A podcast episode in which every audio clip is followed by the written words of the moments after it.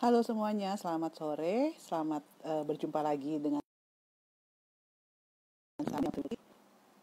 Festival Co-Director dari Europe on Screen 2021.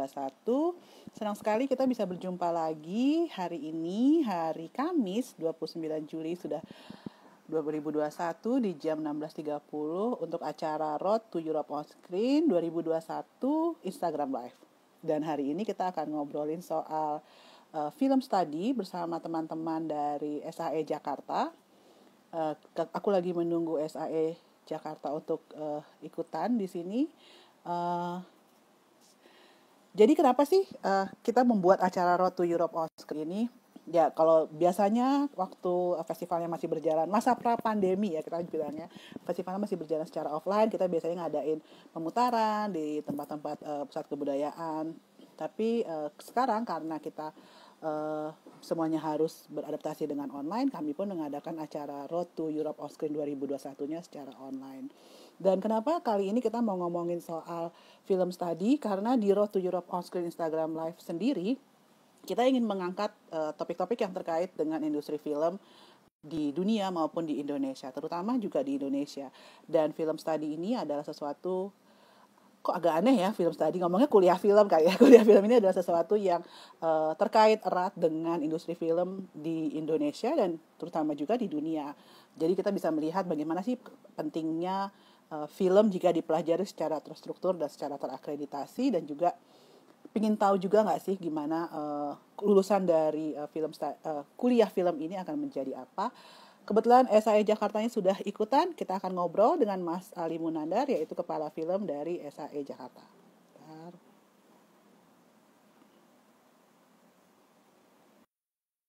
Maaf ya kalau ada suara bakso atau suara biasanya kalau sore-sore gini suka banyak jajanan yang lewat karena saya juga kerjanya dari rumah sekarang. Terima kasih buat teman-teman yang sudah hadir. Hai, halo. Apa kabar, Wi? Kabar baik, apa kabar Mbak? Baik, baik, baik. Uh, kalau di rumahmu nggak akan kedengeran suara bakso ya kayak tadi. Kalau aku kan ada suara.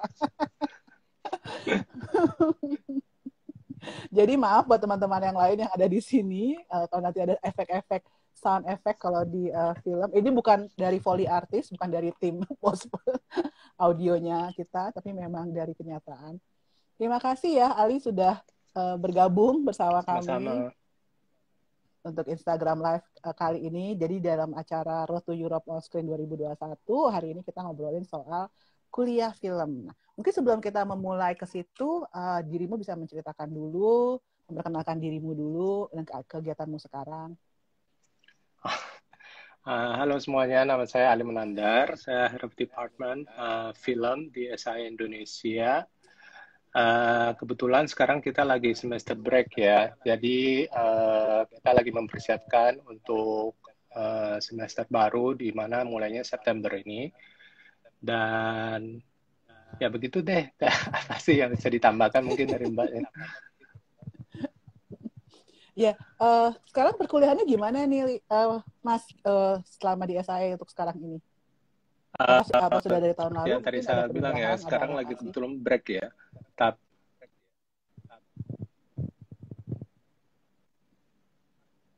Halo? Tadi putus-putus, ya? Mbak. Oh iya, uh, ya aku lagi bertanya, bagaimana dengan kondisi perkuliahanmu saat ini?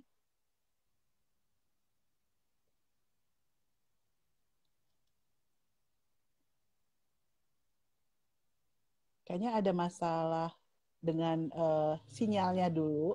Sambil kita menunggu sinyalnya uh, Mas Ali Munandar untuk terkoneksi kembali, kita ngobrol. Ya, hari ini buat teman-teman yang baru bergabung, selamat datang di uh, Road to Europe Oscar 2021. Hari ini kita ngomongin soal ya film uh, bersama uh, Mas Ali Munandar yang merupakan kepala jurusan film di SAE Jakarta. Dan kenapa sih kita ngomongin soal ini? Karena kuliah film ini adalah bagian yang penting juga di industri film Indonesia dan juga di industri film dunia dan kita ingin tahu uh, kayak apa sih pentingnya di Indonesia dan bagaimana kalau teman-teman yang ikutan di Europe on Screen yang sudah menjadi followers di Europe on Screen kalau mereka kalian tertarik untuk kuliah film jadi bisa cari tahu di sini ceritanya. Uh, aku sambil cek dulu. Nah, sudah ada lagi. Ya.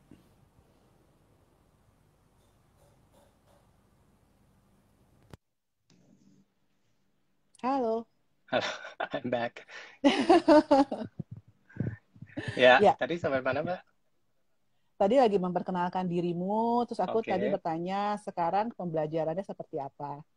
Uh, sekarang sih kita menerapkan hybrid learning ya, di mana kita sebenarnya um, encourage kalau student itu tetap shooting, tapi dengan protokol yang ketat yang kita sesuaikan dengan peraturan pemerintah. Dan karena sekarang PPKM banyak juga tugas yang mau nggak mau kita sesuaikan ya. Jadi misalnya kalau misalnya dia tidak bisa syuting, tapi kita bisa alokasikan bahwa syutingannya itu waktu mungkin PPKM dilonggarkan. Nah, dengan hmm. begitu mereka memperoleh uh, knowledge yang sama, cuma mungkin dipending aja. Tetap syuting akan jalan. Hmm, oh jadi kalau konsepnya hybrid di dunia perkuliahan seperti itu ya?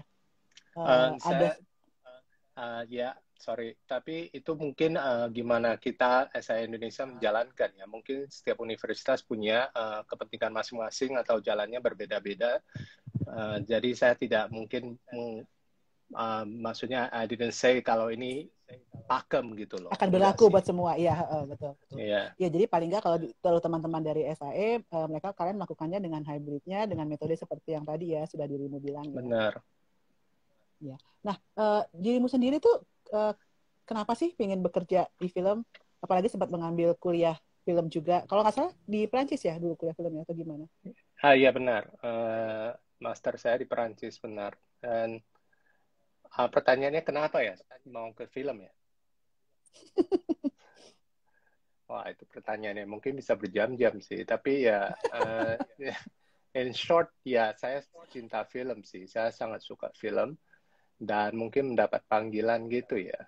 Dan mungkin untuk menelusuri kenapa pertanyaan berikutnya kenapa mau mengajar juga, itu karena uh, saya kayaknya baca sebuah buku di mana katanya kalau kita punya privilege itu uh, tanggung jawab kita untuk paid forward gitu loh. Hmm. Does it make sense? Kayak film juga ya, paid forward, yes. Ya, yeah, kayak film paid forward ya. Jadi misalnya yes. kita mendapat mendapat ke mungkin ada privilege gitu ya. Jadi saya merasa ada tanggung jawab kita juga mau berbagi ilmu itu sih ke semuanya biar semuanya bisa tahu. Dan pasti kan di luar sana pasti mungkin ada yang lebih bertalenta dan mungkin dengan bekal wawasan itu mungkin bisa jadi filmmaker yang lebih hebat. Jadi ingin lebih uh, lebih kepada membagi ilmu dan pengetahuannya juga kepada yang lain ya. Yeah. Kenapa memutuskan untuk mengajar juga. Nah, uh, apa sih pekerjaanmu mungkin bisa diceritain secara sedikit sebagai kepala jurusan film itu ngapain aja sebenarnya? Uh, Oke, okay. uh, di samping kita ini mungkin uh, merekrut mungkin lecturer untuk mengajar di bagian film. Kita juga menyiapkan kurikulum dan juga mengkoordinasi uh, schedule. Dan kadang juga kita harus berkomunikasi dengan dosen-dosen untuk misalnya uh, jawab assignment-nya atau mungkin mereka mau berdiskusi. Apalagi di sekarang ini kan banyak diskusi ya karena hmm. nggak ada yang tahu pasti kan apa yang terjadi ya minggu ke minggu ya. jadi uh, meetingnya jadi banyak, uh, harus kita berdiskusi. Oh ini gimana kita mungkin learning objektifnya masih dapat, tapi mungkin dengan assignmentnya kita sedikit uh, mengubah gitu. Jadi uh, fortunately lah masih banyak yang mungkin bisa itu mendapat learning objektifnya dan juga mungkin beruntung juga waktu mungkin for example di semester ini uh, eh, TA itu final project kan. Kemarin itu mereka sudah habis syuting sebelum PPKM. Jadi mereka itu oh, tinggal syukurlah. di post production. Iya makanya. Nah hasilnya cukup memuaskan ya berdasarkan juri-juri juga dan kita juga ikut bangga sih mereka. Walaupun itu perjuangan yang jujur aja sangat sangat sangat sangat berat ya. Apalagi syuting yeah. di iya. masa pandemi ini uh, protokolnya banyak, budgetnya juga membengkak gitu loh. Jadi memang perjuangan yang keras sih. Dah. Dan itu sih mungkin disambung juga kalau misalnya uh, determinasi anak-anak itu memang kelihatan banget kalau mereka itu suka film gitu ya. Jadi mereka itu selalu memperjuangkan kalau bisa saya mau syuting, kalau bisa saya mau syuting. Jadi kita di sini juga berusaha maksimal untuk mewujudkan itu selama tidak melangkahi peraturan pemerintah sih. Ya, ya betul. Memang ya uh, di masa-masa sulit seperti ini tidak hanya uh, se kayaknya semua industri ya, tidak hanya industri film, semua industri juga mengalami banyak adaptasi, terutama dengan yang seperti yang dirimu bilang tadi, prosedurnya jadi makin jelimet, permitnya juga makin banyak, budget pun membengkak ya. Nah, yeah. tadi uh, dirimu sempat cerita juga bahwa sempat kuliah di Prancis untuk master film itu kenapa mengambil Prancis dan di mana ya waktu itu ya? Uh, di ECAR itu sekolah internasional uh, film sih jadi mereka mm -hmm. juga punya banyak departemen yang ubahnya SAEG juga ya. Jadi kenapa mau mm. mengambil film di Prancis? Itu juga pertanyaan yang mungkin bisa dijawab cukup lama ya kalau kita mau elaborate ya. Tapi ya uh, ya karena saya suka uh, budaya Prancis. Uh, setelah saya bela pelajari, saya rasa uh, Prancis itu bukan cuma film ya, tapi dalam segi uh, dukungan untuk seniman itu cukup relevan dari pemerintah. Dan menurut hmm. saya itu cukup berpengaruh pada visi kita untuk melihat film itu sebagai seni. Uh, Jadi tidak hanya sebagai dan, produk semata ya? Ya, enggak, enggak, enggak. Just, ya mungkin mereka akan marah sih kalau dibilang gitu sih. Tapi, tapi ya mereka melihat uh, mungkin in short ya, mereka melihat seni itu sesuatu yang harus dimajukan dan mereka memberikan dukungan dengan cara yang konkret kepada seniman-seniman mereka sendiri gitu loh. Jadi saya rasa itu itu sangat-sangat uh, kondusif ya, apalagi kalau kita mahasiswa untuk bisa fokus gitu. Dan untuk perihal syuting, perihal casting di sana juga sangat-sangat banyak ya, maksudnya maksudnya organisasi yang available gitu untuk kita langsung uh, pergunakan gratis dan uh, kalau mereka tahu kita syuting itu juga biasanya dipermudah gitu loh karena mereka tahu itu buat hmm. seni gitu. Sempat bikin film juga ya berarti ya di sana ya? Ah iya saya bikin beberapa cerita pendek di sana benar. Hmm, oke. Okay. Iya memang uh, mungkin buat teman-teman EOS juga di Prancis juga mereka memiliki sistem uh, dukungan terhadap industri film yang cukup tinggi dan juga sudah uh, dari CNC mereka punya uh, salah satu uh, institusi tersendiri dan juga mereka punya uh, cara pendistribusian atau alokasi budget yang dimiliki oleh negara untuk dari tiket film bagaimana distribusinya nanti dari tiket film beberapa diambil lalu untuk dipakai untuk proyek-proyek selanjutnya. Nah itu sendiri sebenarnya memang salah satu bagian dari uh, skema industri filmnya Perancis ya dan uh, sudah beberapa kali juga di Indonesia kita sempat belajar dari CNC dan semoga bisa diterapkan nanti oleh ya, uh, Badan Perfilman ya. Indonesia ya. Amin. yeah. Nah, sekarang kita ngobrolin soal kuliah film itu. Hmm, mungkin yeah. saya tadi uh, aku karena pen, apa yang mendengarkan di EOS uh, lebih uh, lebih banyakkan publik secara umum, mungkin bisa dijelasin kenapa apa sih kuliah film itu dan uh, apa bedanya dengan short course film biasa atau yang lain gitu? Hmm, oke. Okay. Uh, mungkin lebih tepatnya kalau kuliah film misalnya dalam hal ini kan uh, D4 ya, perbedaan D4 sama short course kan. Karena short course itu biasanya uh, kelas malam yang diperuntukkan untuk orang yang mungkin udah bekerja di siang hari atau mungkin orang industri yang ingin menambah wawasan gitu kan. Perbedaannya sebenarnya bisa dilihat langsung sih kalau misalnya yang program D4 itu biasanya kan pengetahuannya lebih banyak, lebih mendetail. Hmm. Dan mungkin untuk orang-orang uh, atau teman teman-teman yang mungkin mau uh, mempertimbangkan untuk masuk film, berarti kan ke uh, tingkat untuk menghasilkan project atau showreel itu lebih banyak. Jadi di setiap semester itu mereka itu berkesempatan untuk menunjukkan itu dan menghasilkan sebuah film pendek. Dan tiap semester kita itu sebenarnya itu memperbolehkan untuk melakukan itu. Jadi akhirnya hmm. uh, setelah lulus mereka itu mempunyai showreel yang cukup mumpuni ya, harus saya mumpuni dan dan dan banyak itu. Jadi bisa menjadi kayak calling card mereka gitu loh. Dan juga kalau misalnya dengan selang waktu yang cukup panjang, biasanya kawan-kawan itu juga mempunyai kesempatan untuk berkoneksi dan mereka akhirnya sebuah lulus mereka mungkin bisa mendirikan PH sendiri karena udah saling mengenal ya. Dan juga mereka juga kadang ada yang sebelum lulus juga magang di PH-PH gede dan juga uh, udah terjun untuk membantu di industri sih, begitu sih. Mungkin perbedaan yang paling signifikan adalah kesempatan itu lebih banyak karena waktu yang lebih banyak di uh, kuliah film yang D4 itu gitu. Hmm. Oke. Okay. Ya. Dan berarti itu juga sebenarnya penjelasanmu tadi mengenai perbedaannya juga sudah menjelaskan sedikit uh, pentingnya uh, belajar film secara struktural ya. Lewat kuliah film untuk untuk D4 ini. Uh, eh, ya bisa dibilang begitu. Saya rasa itu tergantung setiap individu ya. Karena saya sendiri pernah melihat bahwa bahwa uh, ini jujur aja ya. Maksudnya ada juga orang-orang yang nggak sekolah film tapi mereka bisa menghasilkan uh, film yang bagus ya. Nah itu tergantung berarti uh, pendekatan dan juga kebutuhan masing-masing. Jadi saya di sini mungkin tidak cocok untuk meng, uh, maksudnya men, mendoktrin gitu, eh harus begitu, nggak begitu ya. Tapi ya. Jadi sesuai dengan panggilan itu, hati ya. Ya, karena mungkin ada yang lebih, karena saya melihat banyak individu, misalnya anak-anak atau uh, pelajar yang mereka juga dengan belajar struktur, dengan belajar dari awal, mereka itu memperoleh sesuatu yang baru yang justru membantu mereka untuk mengerti diri sendiri.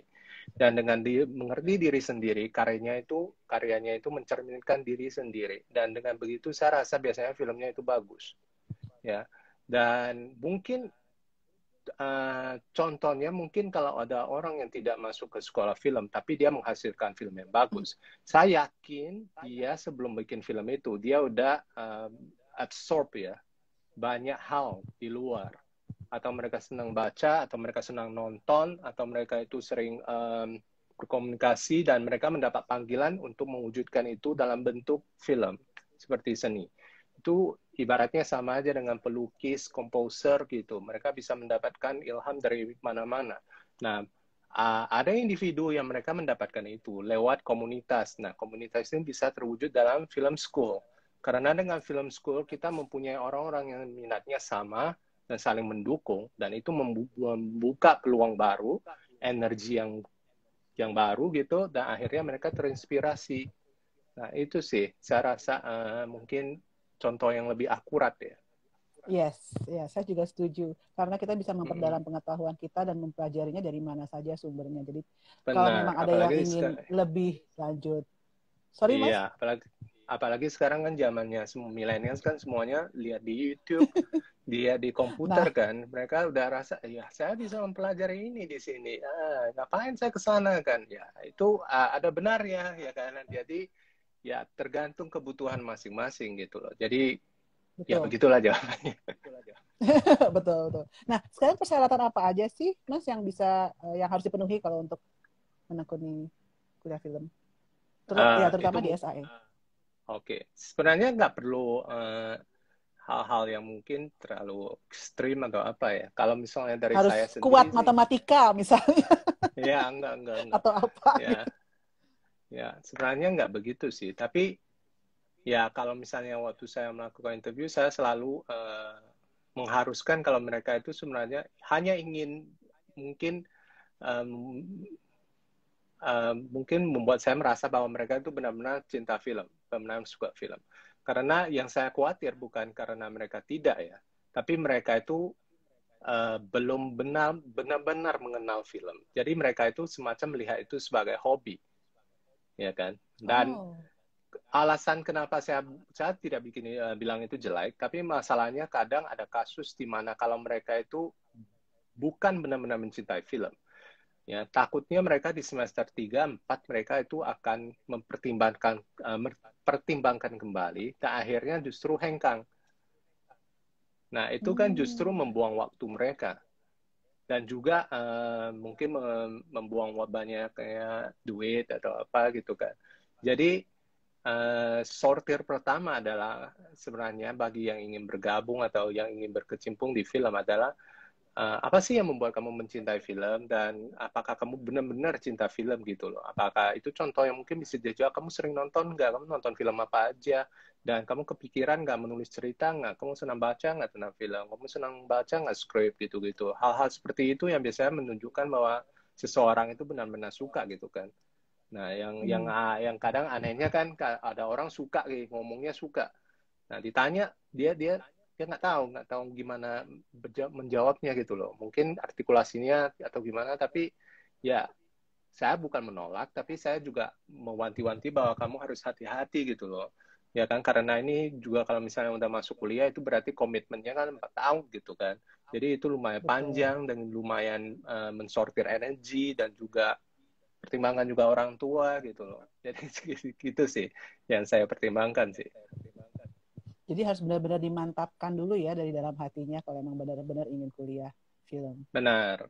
Komitmen itu penting. Sama lah kalau kita kan misalnya ngomong suka seseorang kan komitmennya itu penting kan bagus itu. Perumpamaan yang cukup baik. Jadi buat teman-teman ya sama seperti kalau, kalau kalian ingin memulai hubungan komitmennya itu penting. Jadi Benar sekali. pastikan dulu benar-benar suka atau enggak. Nah biasanya ini kan tadi dirimu bilang ketika tahu apakah uh, ketika ada uh, kalau teman-temanku mahasiswa yang baru yang masuk itu uh, membuktikan cara mereka mencintai film itu lewat cara apa sih? Dan mungkin ada ada ada beberapa film yang dirimu anjurkan ke mereka untuk tonton gitu kayak must watch film or sebagai referensi untuk membuka matanya mereka mungkin gitu. Uh, ya saya nggak tahu sih ini boleh promosi atau enggak nggak apa-apa ya? Ini nggak apa-apa lah. Oh iya. Mesti promosi ya, apa? Uh, okay. ya, soalnya uh, soalnya saya sih biasanya menganjurkan kalau bisa misalnya itu uh, kalau misalnya mau mengenal film ya saya mungkin cinta mm -hmm. orang beda ya. Saya punya teman yang sangat cinta ya. Marvel, yeah. is fine ya, is fine. Yeah. Ya, tapi uh, saya rasa untuk mengenal film itu sendiri karena di sini quote film ya. Jadi kita harus tahu sejarah juga kan film itu dari mana lah, yeah. uh, awal asal usulnya gimana biar kita bisa uh, contohnya ya kembali kan metafora tadi kayak pacaran gitu kan kamu harus tahu dia dari mana asal muasal gimana gitu kan keluarganya seperti apa gitu jadi uh, sebenarnya saya nggak tahu sih kalau Mbak Putri pasti udah tahu lah ya. Ada sebuah channel ya namanya Criterion Channel ya. Atau, atau Criterion iya, Channel. Yeah, nah, Criterion. Criterion Channel unfortunately kalau nggak salah ya, the last I heard kalau misalnya di Indonesia masih belum ada ya. Masih belum ada. Tapi eh, kaum millennials pasti punya uh, you know, bright ideas kalau mereka mau nonton ya. Eh, uh, kalau nggak salah kemarin saya masih subscribe masih dua minggu gratis sih kalau nggak salah ya. Nah, di, saya sih kalau misalnya menganjurkan, saya menganjurkan nontonlah sebanyak mungkin film-film yang di Criterion Channel. Itu sih. Jadi untuk memperkayanya bisa dari situ ya salah satunya ya. Iya, karena uh, Criterion itu mereka itu sebuah mungkin bisa dibilang kurator ya, kurator film yang cukup selektif hmm. yang biasanya kriteria salah satu um, benchmark mereka itu kayaknya memilih film yang punya pengaruh dan uh, punya vi, apa tuh estetika yang lebih ya untuk ya, film itu sendiri. Iya, ibaratnya seperti mendorong seni itu lebih jauh deh. Iya, jadi ya nah. ya betul, kurang lebih sama dengan movie juga ya. kali ya. Ya, movie juga bisa benar. Movie kayak cuma sayangnya movie itu kadang dia filmnya hilang muncul ya, jadi kebingungan kan. betul. Iya betul. kadang ya. Kadang-kadang minggu ini ada, bulan depan nggak eh, ada. bulan depan saya lagi save nih mau nonton, eh kok nggak ada? Apakah karena, iya. karena regionnya gitu loh ya? Karena regionnya beda iya. kan? Oh enggak kok. Nah itu itu yang iya. agak agak bikin frustasi ya, apalagi kita udah siap-siap kan malamnya, wah malam ini mau nonton nih ya nggak ada. Ya. Oh. gitu sih. Iya itu benar sekali. Udah masuk wishlist tapi tiba-tiba hilang. Iya benar. Nah terus selama mengajar ini bekerja sebagai pengajar ada pengalaman yang menyenangkan dan tidak menyenangkan nggak sih mas? Nah, ini juga mungkin sama ya sama pekerjaan yang lain ya. Pasti ada pengalaman yang menyenangkan dan pengalaman yang kurang menyenangkan ya yang kalau misalnya kurang menyenangkan itu mungkin bukan kurang menyenangkan ya, cuma kadang sedikit uh, ya itu ya seperti contoh yang tadi ya misalnya kecewa bahwa bahwa ada anak yang mungkin dia uh, memutuskan untuk give up aja gitu loh. Dia give up karena dia merasa oh hmm. sebenarnya saya nggak suka saya saya nggak bisa nih terlalu susah nih uh, syuting uh, terlalu lama nih dan saya agak kewalahan nih. Nah Hmm. Jadi dia akhirnya pindah atau apa gitu kan. Nah itu sih yang hmm. sebenarnya karena saya merasa karena kalau misalnya apalagi dosen, murid itu kan, kalau misalnya kita udah ngajar mengajar itu ada relationship yang terbentuk. Ya. Ada hmm. relationship yang terbentuk yang bagi saya kalau misalnya alumni atau mereka udah lulus, saya udah anggap mereka itu sebagai peers ya, yang profesional gitu ya. Kalau mereka itu, jadi ada sebuah uh, mungkin ada respect juga, ada sebuah appreciation juga bahwa kita melihat mereka itu berkembang dan mereka itu menjadi lebih dewasa dan kalau misalnya ada yang mendadak pergi itu seolah-olah kita ada teman yang baru kita dekat tapi mereka itu pergi aja gitu loh. Ghosting ya? Nah, itu sih. ya nggak ghosting sih tapi dia pergi aja. Maaf saya udah nggak bisa nih di circle kalian uh, saya nggak mampu gitu. Aduh. Ya. Iya. Jadi itu agak-agak uh, kecewa sih dan ya kalau plusnya ya kita melihat anak-anak yang berkembang dan bikin-bikin film yang mungkin sesuai dengan apa yang mereka mau itu udah cukup menyenangkan sih. Hmm, ya. Ketika berhasil mengantarkan mereka untuk menyelesaikan proyeknya dan terutama nggak tadi ya nggak gampang menyerah tadi ya jadi ada sesuatu yang dipelajari sama mereka. Eh nah, itu benar. Uh, nah selama ini uh, kan sempat kuliah di Prancis juga itu mungkin ada perbedaannya nggak sih? Atau ada pengalaman yang waktu dulu ketika kuliah di Prancis diterapkan juga sekarang di sini atau bagaimana? Oh iya. Uh, ada beberapa sih unsur yang saya ingin terapkan ya di sini ya. Tapi um, kebanyakan memang saya uh, saya uh, saya sukses sih untuk menerapkan itu di saya ya. Uh, dan juga saya ada beberapa yang ingin saya mungkin in the, in the new future ya kalau memungkinkan itu bisa diaplikasikan uh, yang seperti yang saya tadi uh, mention ya di di Prancis itu mereka sangat mementingkan seni kan. Jadi uh, untuk bikin film pun kita diharuskan untuk mengabsorb uh, seni dari hal-hal lain, ya, bukan cuma film. Karena, uh, for instance, mereka itu asumsi bahwa kamu udah nonton lah Criterion. Ya, asumsinya begitu. Kamu udah nonton lah. Hmm. Jadi kamu harus serba aktif juga di luar bahwa kamu ingin misalnya memperdalam dirimu sebagai seniman, apa sih yang harus kamu lakukan? Ya kan? Jadi uh, contohnya ada satu kelas yang di mana kita setiap minggu itu diajak ke museum, ya kan? Diajak hmm. museum untuk uh, melihat uh, melihat lukisan-lukisan, ada yang postmodern, ada romantik dari masa-masa gitu. Dan kita diharuskan menulis uh, report dari lukisan tersebut. Ya, kadang fotografi juga itu it, it, it depends gitu. Kadang juga melihat puppet show gitu loh, which is amazing ya puppet show ya, ya. Yeah. Dan dan itu itu semua harus kita tulis report dan kita antar uh, ya kirim balik gitu loh ke ke dosennya untuk dinilai dan mungkin dikasih dikasih feedback gimana kamu melihat seni itu sendiri gitu. I think that's very interesting ya. Um, karena saya merasa um, uh, untuk untuk film yang di mana itu gabungan dari banyak seni ya kadang itu tidak cukup ya kalau kita hanya nonton saya sih merasa begitu ya dan itu penting juga mengambil referensi itu bukan cuma film dan itu itu sangat penting kalau tidak mengambil film kalau misalnya film itu modern gitu karena modern dia kan ambil dari mhm. bahan baku yang lain gitu jadi jadi itu juga sih yang saya mungkin uh, sedikit emphasize ya bahwa anak-anak muda sebenarnya uh, janganlah coba menjadi orang lain gitu loh. I understand kalau misalnya mereka itu suka nonton Marvel lah, suka nonton Wes Anderson lah, David Fincher lah, ya kan. Uh, ya tapi ya tapi cobalah melihat kembali ke diri kamu sendiri gitu karena seni itu biasanya membuat kamu melihat diri kamu sendiri gitu membuat kamu mengerti gitu jadi mungkin dari sananya mereka bisa mengerti sendiri dan biasanya kalau mereka itu udah uh, uh, uh, terbiasa dengan begitu, hasil hasil hasil film yang mereka produce itu juga biasanya menunjukkan siapa sih dia sebenarnya gitu. Jadi lebih jujur yeah. ya? Ya, yeah, exactly, jujur. Ya, yeah.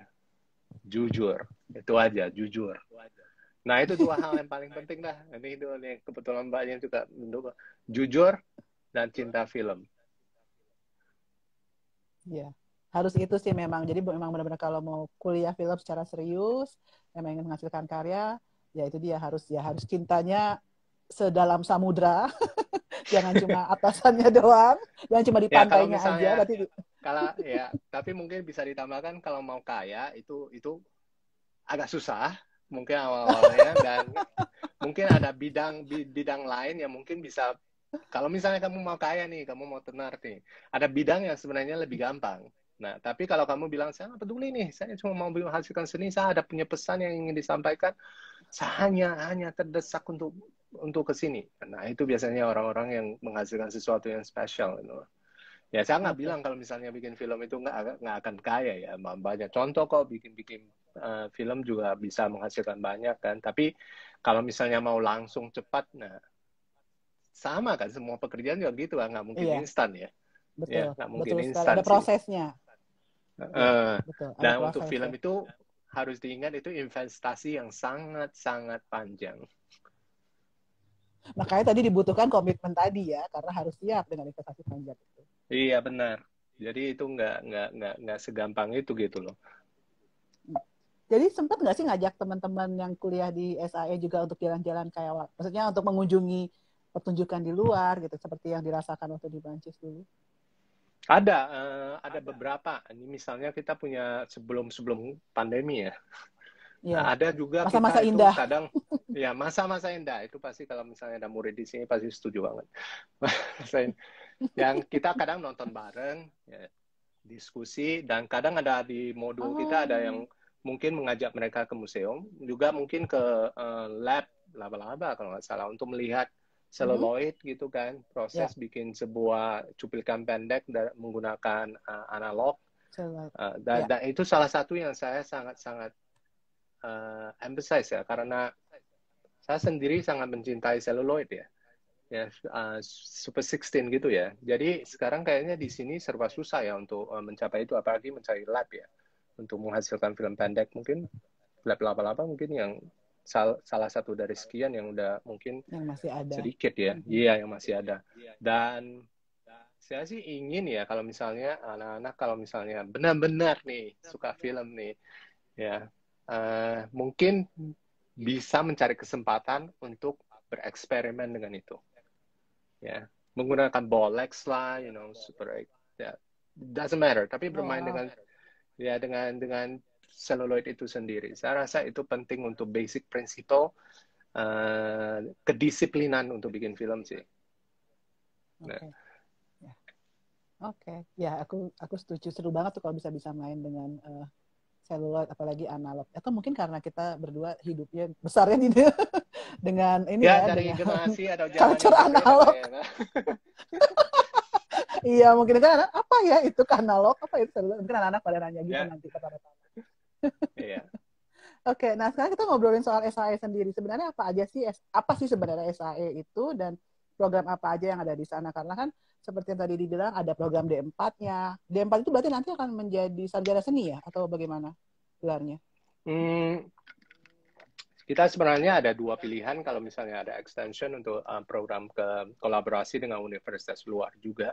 Jadi biasanya lulusannya hmm. bisa milih, dia tergantung projectnya, dia bisa milih jadi hmm. Bachelor of Science atau Bachelor of Art, ya, yeah. termasuk okay. di dalam film.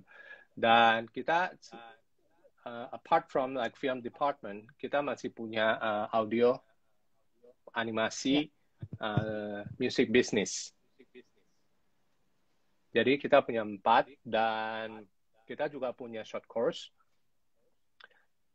Uh, ya, gitu aja kan pertanyaannya. Uh, what else ya?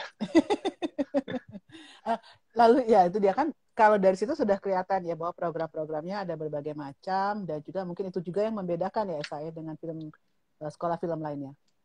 Ah benar dan itu juga salah satu mungkin bisa dikatakan nilai plus kan karena saya sering melihat misalnya anak uh, film mereka waktu syuting film hmm. pendek mereka berkolaborasi langsung sama anak audio itu sangat sangat sering terjadi ya jadi hmm. anak audio bisa di, uh, diminta tolong untuk datang ke set untuk jadi sound recordist dan kadang mixing juga uh, anak-anak audio yang menangani dan they, they are excellent you know kadang mereka itu menghasilkan hasil-hasil yang luar biasa atau mungkin juga bisa gabung dengan anak-anak dari uh, musik bisnis tadi ya?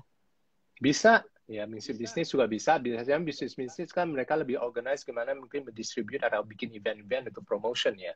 Dan mereka hmm. itu sangat jago juga untuk menghasilkan itu. Belum lagi anak animasi ya. Uh, because yeah, I was invited kadang-kadang juga masuk ke presentasi animasi. Saya lihat ini, wah ini udah standar kayaknya profesional sih ya ya kayaknya luar biasa sih anak-anak ini gimana yang menghasilkan kayak gitu gitu loh. Jadi kadang anak animasi juga pasti disuruh mungkin bisa bantu juga bikin kredit ya, kredit film atau sedikit hmm. animasi di dalam film yang mungkin membutuhkan gitu loh. So sinergi-sinergi antara anak-anak kreatif ini sangat-sangat bagus sih.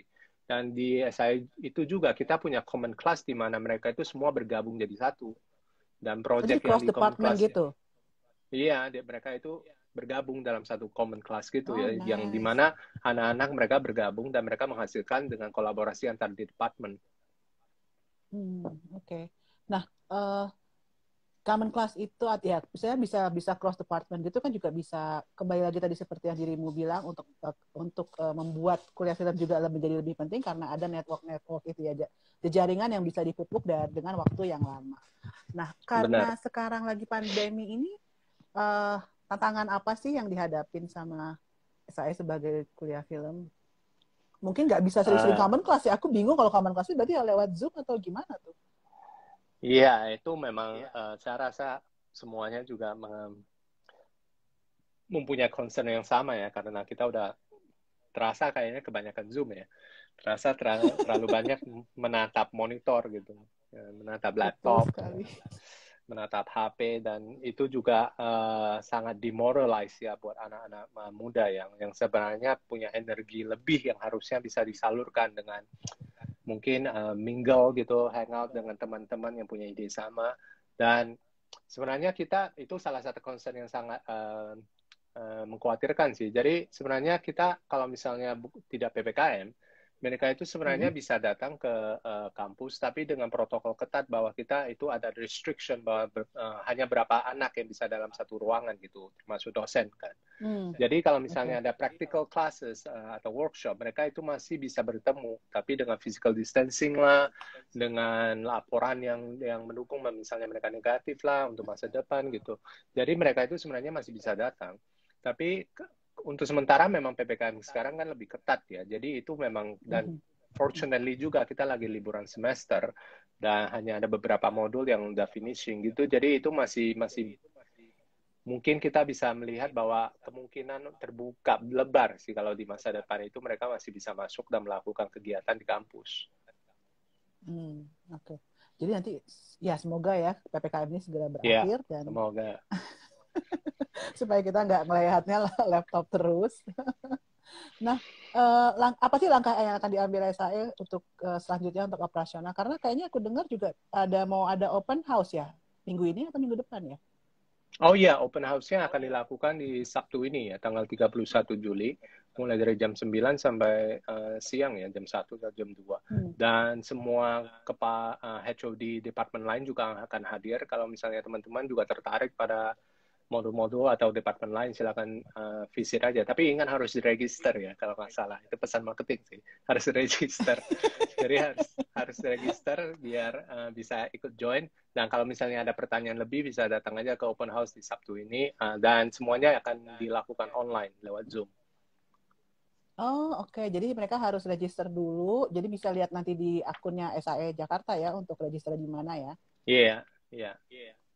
Oh iya, oh iya, aku kepikiran itu karena ada open house lah, berarti mereka udah boleh masuk nih, datang lagi nih ke SI. Ternyata enggak ya masih. Ya, masih tapi via kita online ya. Iya, tapi kita udah menyiapkan sih ada beberapa misalnya uh, recording video yang virtual tour gitu untuk bisa melihat uh, ruangan lab kita itu seperti apa, setidak, oh, nice. setidaknya memberikan ya indikasi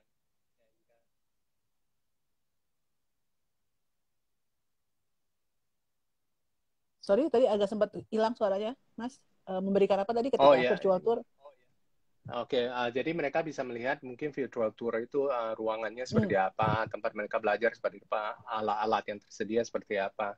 Jadi mereka bisa yeah. mempunyai gambaran juga. Karena uh, jujur aja kan sekarang juga masa-masa yang sangat mengkhawatirkan ya. Jadi mungkin untuk avoiding un unnecessary implications di mana kita uh, putting everybody at risk, I think everybody just uh, should just stay at home gitu loh. Ya, ya, oke. Okay. Sangat dimengerti sih untuk langkah yang diambil. Yeah. Nah, sekarang kita ada beberapa pertanyaan dari teman-teman yang udah uh, mengirimkan pertanyaan buat dirimu nih Mas dari followers yeah. uh, Europe All Screen lewat question box di uh, IG story kita. Uh, pertanyaan, pertanyaan pertamanya, uh, SAE ada rencanakah untuk buka studi film yang lain, misalnya acting, kelas acting? Uh, bentar ya, ini kayaknya saya harus ngecharge. Oke, Sebenarnya ah. kelas acting itu udah tersedia di uh, bagian dari film sih. Di semester 2 kita punya oh. directing and acting. Di mana kita mempelajari acting dari aktris kayak Mbak Putri Ayudya ya. Jadi dia mengajarkan kelas acting itu dan di sana uh, anak-anak biasanya diajarkan acting dari basic sih. Hmm, oke. Okay. Jadi udah termasuk di dalam uh, jurusan film ya di di, di iya. bawahmu yeah. ya berarti ya. Mm -hmm. sudah ada. Oke, okay, berarti sudah ada. Lalu uh, berapa sih perbandingan jumlah jurusan film dengan lapangan kerja yang ada? Wah, ini pertanyaan yang sulit ya. Kita harus ke lembaga survei dulu gitu. Ya, kalau untuk angkanya mungkin kira-kira aja ya. Ya, kira-kira ya. aja mungkin. Tapi saya pernah baca dan saya pernah dengar dengan teman-teman industri ya. Sebenarnya kita sangat memerlukan uh, pekerja film ya. Karena pekerja film itu uh, di luar sana yang dipakai itu sama-sama aja. Jadi perlu ada sebuah regenerasi ya regenerasi ya, di mana anak iya. muda ya. itu diberi kesempatan yang lebih ya. Uh, dan itu saya kalau boleh dibilang sebenarnya itu banyak ya uh, possibility untuk itu.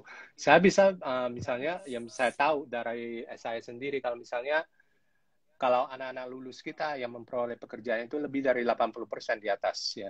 Di atas 80% mereka itu semuanya kalau lulus di film, mereka mendapat pekerjaan atau mereka melakukan sesuatu di industri di bagian perfilman. Hmm dan itu angka yang cukup optimis ya dan saya rasa uh, kemungkinan untuk mencari kerja dan itu bukan ibaratnya mencari kerja di sini mungkin juga bisa dibilang menciptakan opportunity baru ya karena di ya. sekarang anak-anak muda banyak kalau mereka sudah mempunyai uh, wawasan lebih mereka itu justru bisa membuat sesuatu yang baru yang mungkin kata-kata dalam industri itu jadi kurang relevan ya jadi mereka itu bisa membuat peluang kerja baru dan mereka membuat project yang yang bersama-sama dengan teman-temannya itu membuat sesuatu yang baru dari dari nothing gitu loh. And itu itu sebenarnya sangat-sangat patut dicontoh sih bahwa mereka itu tidak tunggu dan mereka itu melakukan sesuatu aja gitu loh. Ya. Jadi ada jadi setelah lapangan pekerjaannya juga jadi bertambah ya karena mereka pun juga mau menciptakan pekerjaan baru. Iya. Mungkin Lalu, bukan menciptakan perhatian baru, tapi oh ya, yeah, sorry. Oh, yeah. oh enggak, enggak, apa-apa, Mas, silakan. Mungkin bukan bukan apa?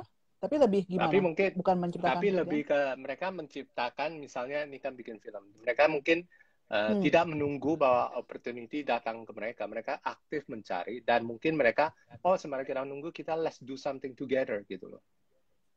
Oh, Oke, okay, yeah. yes. Let's do something together. Uh, let's let's shoot Menjemput. some films. Iya, ya, ya benar menjemput bola gitu loh. Nah, kita ya, bikin yuk film yuk. Dan di sini kan kadang kalau misalnya mereka proyeknya itu menarik, ya, saya itu dengan senang hati membantu alumni kita. Oh kalian mau alat? Oke, okay, come in, you know. Kalian boleh bawa alatnya, kalian syuting aja gitu loh. Oh, boleh ya, Kalau sudah jadi alumninya gitu masih tetap bisa. Bisa, bisa. bisa. Tapi oh, dengan asumsi oh. ya, dengan asumsi bahwa biasanya itu dengan penilaian ketat bahwa skripnya itu harus di di ACC dari berbagai pihak dan itu ya uh, pastinya ya jadi banyak sih kalau maksudnya kolaborasi antara SAE dengan pihak luar pun dari uh, sama alumni karena kadang ada alumni yang mereka sendiri kan udah bikin PH ya dan gonna approach SAE kembali eh kita mau nih bikin ini mau minta bantuan nih anak-anak mau minta bantuan hmm. dari SAE sure kalau misalnya proposalnya itu bagus why not gitu ya Nah, uh, tadi kan ngomongin soal regenerasi ya, dan aku setuju banget karena akhirnya kalau mau bikin film agak susah karena keterbatasan orang-orang pelaku filmnya, krunya, atau teman-teman yang lain yang bekerja di film. Mungkin ini terkait juga dengan uh, pertanyaan selanjutnya yaitu uh, mengapa sih masih banyak pekerja film yang bukan lulusan studi film? Mungkin bisa. aku juga bingung nih jawabnya gimana. Ya. Uh, kemarin saya ditanya gitu juga jadi saya, saya jawabnya uh, ya banyak juga kan ya misalnya kita lihat ini tukang bakso mereka nggak ada jasa kuliner tapi kita makan aja tapi kan kita kita kan bayar mahal kan untuk ke restoran Prancis kenapa ya ya joking joking aside joking aside yes yeah joking aside tapi saya rasa selama kalau misalnya film itu ada penontonnya, ya terserah mau bikinnya seperti apa atau apa. I, I'm not judging. Jadi uh, semua orang punya kesempatan yang sama untuk menciptakan seni. Kita harusnya mungkin um, harusnya kita itu spare some dignity into art itself ya. Jadi gimana yang ngomong ya? Ada sebuah harga diri di seni di mana orang yang tahu lebih banyak tentang film itu sendiri atau seni sendiri mungkin bisa menjelaskan, tapi belum tentu bisa mereka itu bisa men, men, men, men, men, menyerap lebih banyak dari orang yang tidak. Tapi di sini kalau kamu punya wawasan luas, artikulasi kamu bisa lebih bagus dan waktu kamu syuting, kamu artikulasi ke kru yang lain itu bahkan lebih pasti akan lebih lancar. Nah, nah kembali ke jawaban misalnya kenapa masih ada banyak uh, kru-kru yang tidak sekolah film, ya mungkin mereka artikulasinya udah lancar, mereka merasa nggak perlu dan mereka juga mungkin uh, merasa cukup, ya who are we to judge gitu loh. Exactly, ya. Yeah semua orang punya eh, pilihannya masing-masing juga. Iya, benar. Iya. Nah, pertanyaan selanjutnya ini, apa bisa belajar di SAE tanpa tahu dasar teknis film sama sekali sebelumnya? Itu bukannya semuanya nggak tahu ya biasanya. Kebanyakan nggak tahu bukan? Aku nggak tahu siapa tahu udah ada beberapa mahasiswa kalian yang udah jago banget. uh, ya, uh, overall kebanyakan nggak tahu sih. Kebanyakan nggak tahu. Tapi pembedanya adalah mereka itu biasanya suka film. Mereka itu cinta film. Itu seperti yang kembali kembali uh, tadi kita mention ya. Mereka itu hmm. hanya perlu dua uh, bekalnya, cinta film, kejujuran. Ya, kejujuran aja. Jadi kalau misalnya ditanya, eh kamu tahu ini enggak? Eh, jangan jangan kalau memang nggak tahu nggak apa-apa. It's fine. Everybody semuanya nggak tahu kan. Itulah alasan mereka di sana untuk mencari tahu bersama-sama ya dan melakukan kesalahan that's good karena di di ruang yang ya, aman kan di kampus itu kalian belajar untuk melakukan kesalahan kalian belajar untuk gila gitu nah kalau di luar ntar ada bekerja kan kesempatan itu hampir tidak ada gitu loh jadi di sinilah hmm. kalian itu berani bereksperimen berani menyalurkan pendapat dan itu selalu dilandasi dengan saling respect dan kejujuran sih I think kalau dengan begitu biasanya mereka itu belajar lebih banyak dan akan ya in short mereka akan bahagia. Ya, mereka ya, akan betul. bahagia. Ini cuma dari out of my curiosity aja sih mas. Yeah. Ada nggak sih menemukan mahasiswa-mahasiswa yang uh, mereka ingin bikin film tapi ingin bikin film buat festival gitu? Mereka oh, cuma bikin ingin bikin film buat festival. Maksudnya bukan. Banyak. Akhirnya akhirnya malah akhirnya malah filmnya jadi ya tadi seperti yang dirimu bilang mungkin tidak terlalu, terlalu jujur atau malah melupakan dua esensi yang tadi kita bicarakan itu. Iya, banyak dong. Itu pasti dan ada yang ada yang kadang kan uh, dari segi script atau mungkin dalam uh, waktu diskusi sama produser dan kadang mereka udah oke okay, mematok nih, uh, saya mau ke sini nih, target saya mau ke sini nih, ya target saya mau ke sana nih. Dan saya rasa itu itu hmm, nggak hmm. salah ya, misalnya tergantung tujuannya. Tapi wajar ya, ya, mungkin ya wajar. Tapi pertanyaan yang lebih tepat mungkin uh, biasanya sih kenapa kamu mau bikin film ini dulu gitu loh? Kenapa kamu mau hmm. begitu gitu loh? Kenapa ya? Alasannya itu karena kembali ya landasan kejujuran itu ya. Saya percaya kalau misalnya uh, ada filmmaker atau ada murid yang dia punya sesuatu yang jujur yang ingin disampaikan. Dan dia bikin mungkin dengan teknis sebagus mungkin. Nah biasanya film itu mm -hmm. akan diterima lebih banyak festival. Mungkin tidak semua tapi kalau film bagus biasanya Eh, festival-festival uh, itu akan take notice gitu. Eh, ini suara baru ya. Eh, ini kayaknya kayaknya interesting gitu loh. Karena saya lihat ya, festival juga mungkin juga mencari-cari um, new talent. Ya, new talent ya. Uh, karena mereka tidak perlu mungkin Quentin Tarantino baru.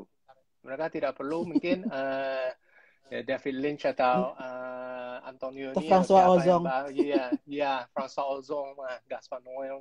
Tapi mereka itu ingin sesuatu yang baru yang mereka bisa showcase gitu loh. Bisa showcase, hey, oh, got this guy.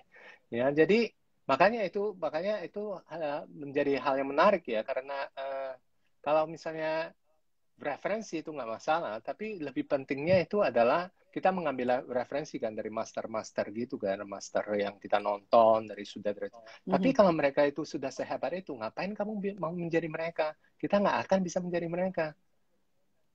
Nah itu, jadi kita harus mencari kan, kita hebatnya di mana. Nah kita ke sana aja. Jadi diri sendiri aja ya, because everybody iya, else has been taken.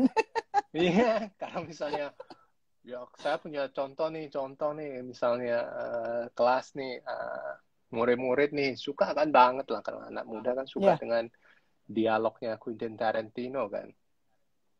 Ya ada hmm. film eh, skripnya ditulis saya dengan dialog-dialog itu. Bukan saya anti dialog, hmm. saya, ya tapi ya ya mereka mencoba uh, menchanneling gitu loh Tarantino dalam skripnya gitu loh. Jadi itu terkesan hmm. jadi mereka itu mau menjadi orang lain, mau menjadi uh, Tarantino wannabe tapi tidak lebih melihat ke dalam hmm. karakter ini kenapa gitu? Kenapa apa yang ingin kamu sampaikan dengan cerita ini?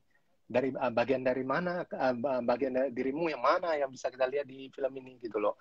Jadi yeah. it, it, it, it, it blurs out gitu loh. Dan, itu menjadi sebuah fine line sih kalau misalnya anak-anak uh, kalau misalnya bikin film itu kadang mereka merasa uh, kita kita ikuti itu aja pasti akan ada yang nonton. Tapi saya rasa penonton makin lama makin pandai ya ya mereka yeah. bisa spot ya. Spot ya mereka bisa spot lah ini mah rip off dari ini. Ah ini mah saya udah sering. Nah, cuma copycat ini. Iya nggak ada yang baru. Ya kan nggak ada yang baru. What you try to say gitu loh. Sama aja gitu. That doesn't mean that itu itu jelek. Saya nggak bilang itu jelek. Tapi ya uh, kalau kita udah jauh-jauh untuk kuliah film ya harusnya kita bisa mencari diri sendiri dan jujur dan bikin sesuatu yang bisa kita banggakan gitu loh. Menurut saya sih ya, begitu jadi, sih. Jadi juga siap ya nanti kalau diserang sama netizen ya. Apalagi uh -huh. netizen Indonesia. Oke, okay. terus pertanyaan selanjutnya ini adalah uh, apa saja sih hasil belajar film yang bisa kita terapkan dalam kehidupan sehari-hari?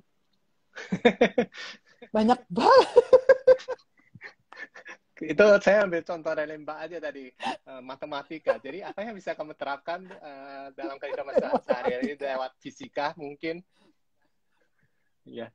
Jadi uh, itu itu bukannya joking aside itu banyak ya maksudnya uh, tergantung kalau misalnya kita mau spesifik ya bisa tergantung tiap modul karena kita aplikasikan ke setiap uh, ke keseharian tapi saya mau melihat mungkin dari konteks yang lebih luas saja ya. Apa sih yang kita belajar? Um, pertama saya sih saya uh, mungkin yang paling uh, paling signifikan ya, mungkin paling yang kelihatan langsung ya adalah gimana kita bisa melihat film itu sendiri dari perspektif yang berbeda. Ya. Dan kamu bisa melihat kamu bisa belajar menjadi um, menghormati sebuah film dan kamu juga bisa mengapresiasi eh, orang-orang uh, yang bekerja sama dengan kamu. Ya, kalau uh, kalau di saya sendiri, uh, saya rasa ada poin yang saya saya sangat uh, sangat uh, I mean, emphasize ya greatly gitu. Bahwa harus ada saling respect di antara sesama yang tidak merasa mereka itu lebih dari siapa pun itu. Dan itu diwujudkan juga dalam dialog yang sangat kentara di mana manners ya manners itu sangat penting. Jadi uh, kita harus ngerti bahwa walaupun kalian ini classmates, tapi kalau kalian minta bantu itu ada etika-etika yang harus tidak boleh dilangkahi dan kamu tidak boleh misalnya uh, menyebutkan sesuatu yang mungkin menyakiti orang atau apa gitu. Jadi okay. dan itu yang saya ingin menceritakan sebuah lingkungan yang sehat di mana mereka itu bebas mengekspresikan ide mereka gitu tanpa merasa mereka harus sensor. Nah, itulah kan wujud salah satu wujud dari kejujuran.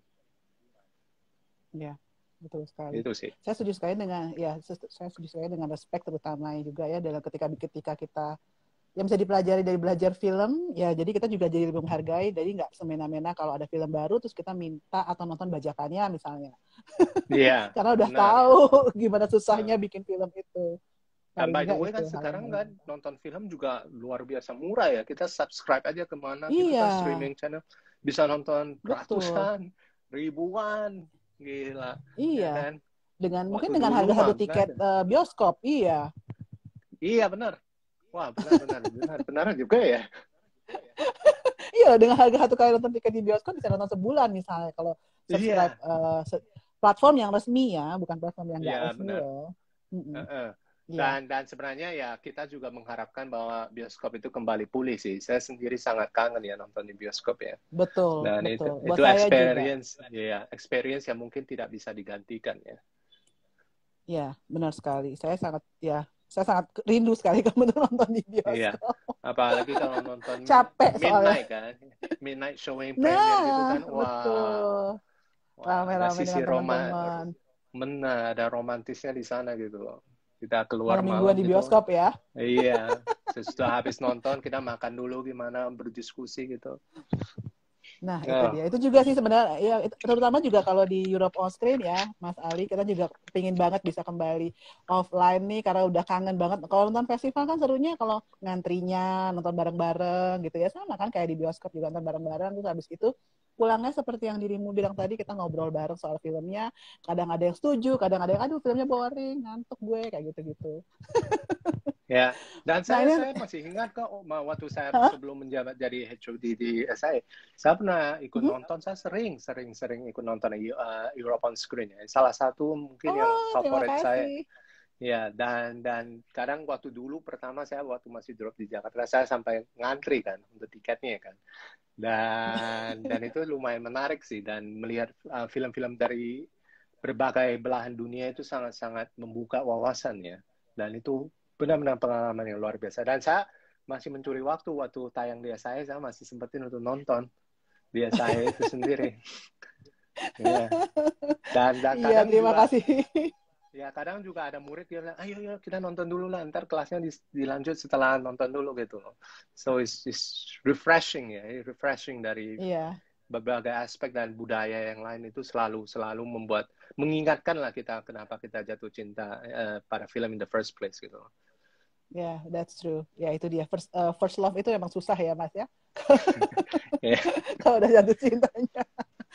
Lalu ini uh, kita juga nanti kita juga akan ada lagi Mas festivalnya dari tanggal 15 sampai 27 September siap-siap aja. Nah, sekarang Mantap. pertanyaan terakhir terkait dengan SAE, kapan SAE mulai batch baru lagi untuk pendaftarannya? Oh sekarang kayaknya udah bisa didaftar langsung ya kalau tertarik ya. Semester barunya Oh, mungkin udah ya? udah sekarang ya dia tentatifnya itu tanggal 13 September sih kalau masuknya. Dan sekarang kita udah buka kok eh, tim admission kita juga ready bisa di WhatsApp langsung untuk eh, mungkin memperoleh informasi-informasi atau mau telepon juga. Eh, ya mungkin untuk secara meeting mungkin bisa juga mungkin konsultasi kalau misalnya ada pertanyaan yang yang lebih spesifik ke head of department masing-masing itu silakan ya di kontak aja.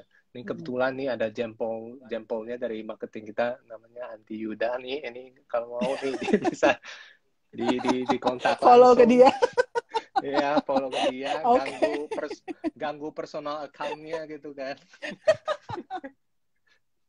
Kasihan banget maaf ya Anti Yuda. Kalau nanti diganggu sama followersnya EOS. Tapi yang pasti tadi seperti yang udah dirimu bilang akan ada open house ya minggu ini hari Sabtu ya tanggal 31 ya. Sabtu, eh, berarti lusa ya, lusa, ya benar, Oh iya lusa. Tapi betul. ya jadi kalau sampai mau nanya-nanya bisa di situ juga. benar. Iya. Mm-mm. Oke, Mas Ali, thank you so much uh, Makasih obrolannya sama-sama. Sore ini. Eh, terakhir bisa kasih ini nggak sih kayak uh, Mas watch film mumpung lagi pandemi, nontonnya di rumah aja.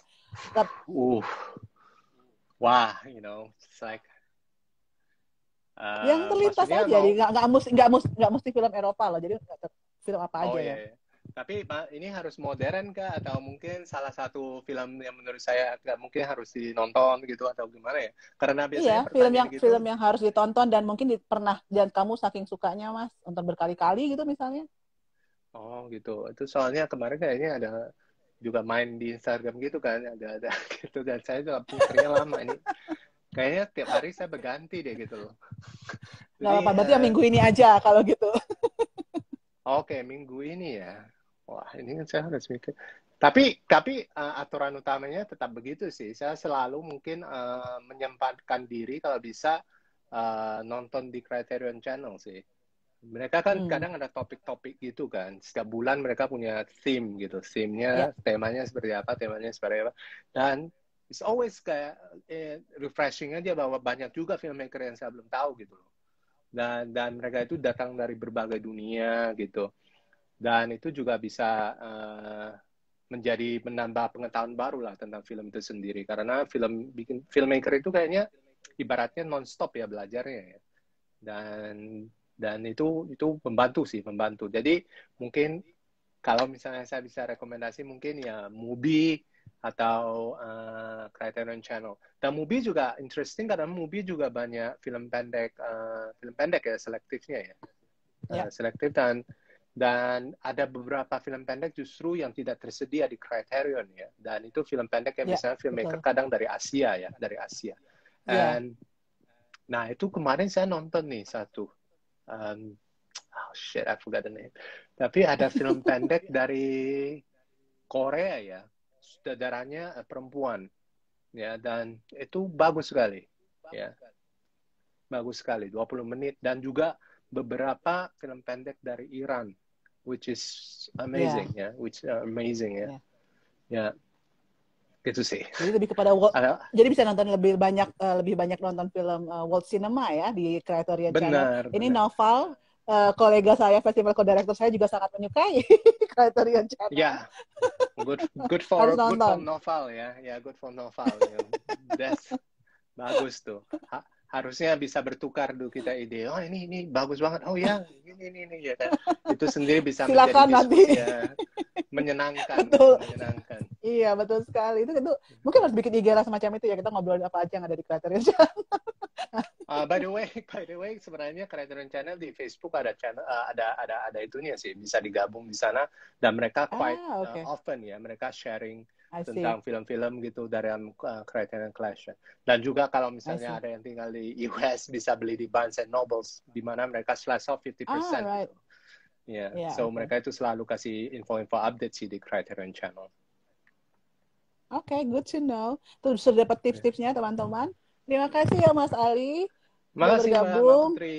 Ya, sama-sama. Ya. Sampai bertemu lagi nanti ya. di Europe Screen. Sangat membantu ya, sekali Mas. Semoga ke ya. semoga ketemu ya. Ya, pasti. Dadah. Jadi schedule-nya dilihat di Instagram aja kan. Sip. Nanti lihat di ya, ya. Instagram. Ya. Nanti kita akan uh, kita akan umumkan schedule-nya nanti di bulan September untuk film-film. Oke, okay, siap. Semoga itu udah buka semua okay. bioskop kita nonton di bioskop semuanya. Waduh, amin. Amin amin pingin banget supaya cepat kelar nih PPKM. berdoa berdoa. Berdoa betul. Terima kasih Mas Ali. Makasih, Terima kasih, kasih dari makasih. SAE Jakarta. Ya. Makasih semuanya yang menonton ya, yang sabar. Iya, yang sabar. Oke. Okay. Oke. Okay. Thank you.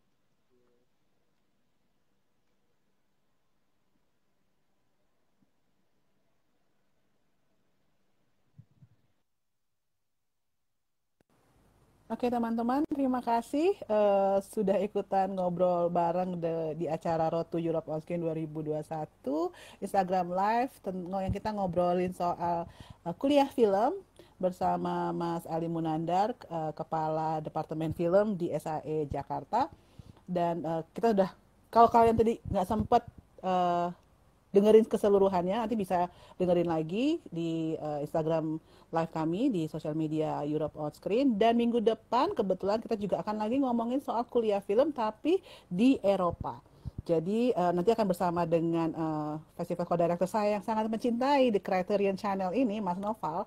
Nanti akan ngobrol bareng dengan uh, salah satu uh, uh, Silvang Lelong Rakro dari uh, Institut Francia Indonesia.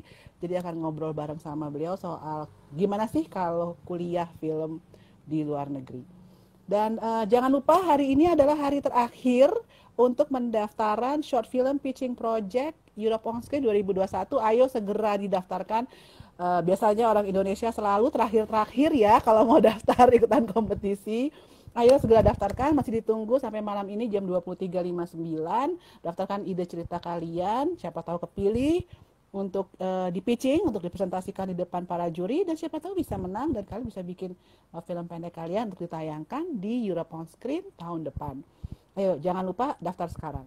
Terima kasih, stay safe and stay sane guys. Bye bye.